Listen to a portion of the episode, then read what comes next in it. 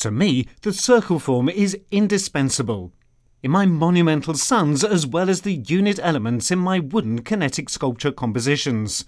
Although my creations differ in materials, I am always inspired by nature. Humankind's helplessness against nature and its irresistible beauty, its mathematic, drive me to become one with nature, let alone resist it. I always observe movements in nature. The essence of my kinetic sculptures are built upon these observations.